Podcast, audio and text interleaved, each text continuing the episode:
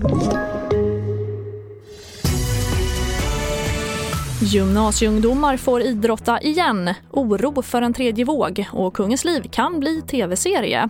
Men vi börjar med att hittills har 20 personer som bekräftats med covid-19 på ett företag i Skellefteå kommun visat positivt på mutationen av den brittiska virusvarianten.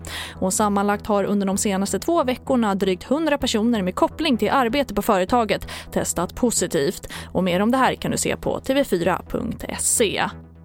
Och förbudet att sälja alkohol på krogen efter klockan 20 förlängs med minst en vecka och sannolikt februari ut. Däremot lättar man på reglerna för gymnasieungdomar som nu ska få idrotta igen. Idrotts och fritidsaktiviteter har stor betydelse för folkhälsan. Och det finns risk för att en del ungdomar hoppar av och inte återvänder till idrotten under pandemin.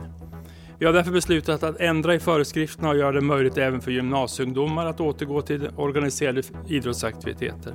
Den samlade bedömningen är alltså att de positiva aspekterna av att öppna upp även för gymnasieungdomar överväger riskerna på det här området. Och det sa Johan Karlsson, generaldirektör på Folkhälsomyndigheten. Och antalet patienter som vårdas på sjukhus mot covid-19 har sjunkit kraftigt över hela landet jämfört med förra veckan. Men samtidigt oroas Folkhälsomyndigheten för att en tredje våg kan slå mot Sverige om inte rekommendationerna följs.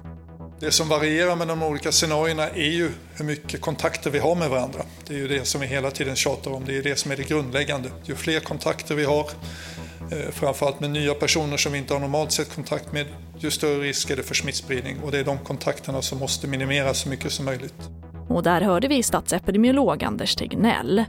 Och vi avslutar med att TV4 och Simor planerar en tv-serie i The Crown-stil om den svenska kungafamiljen. Och framförallt den nuvarande kungen, kung Carl XVI Gustav, det skriver Verity.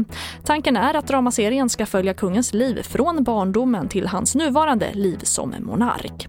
Och det var TV4-nyheterna. Jag heter Charlotte Hemgren.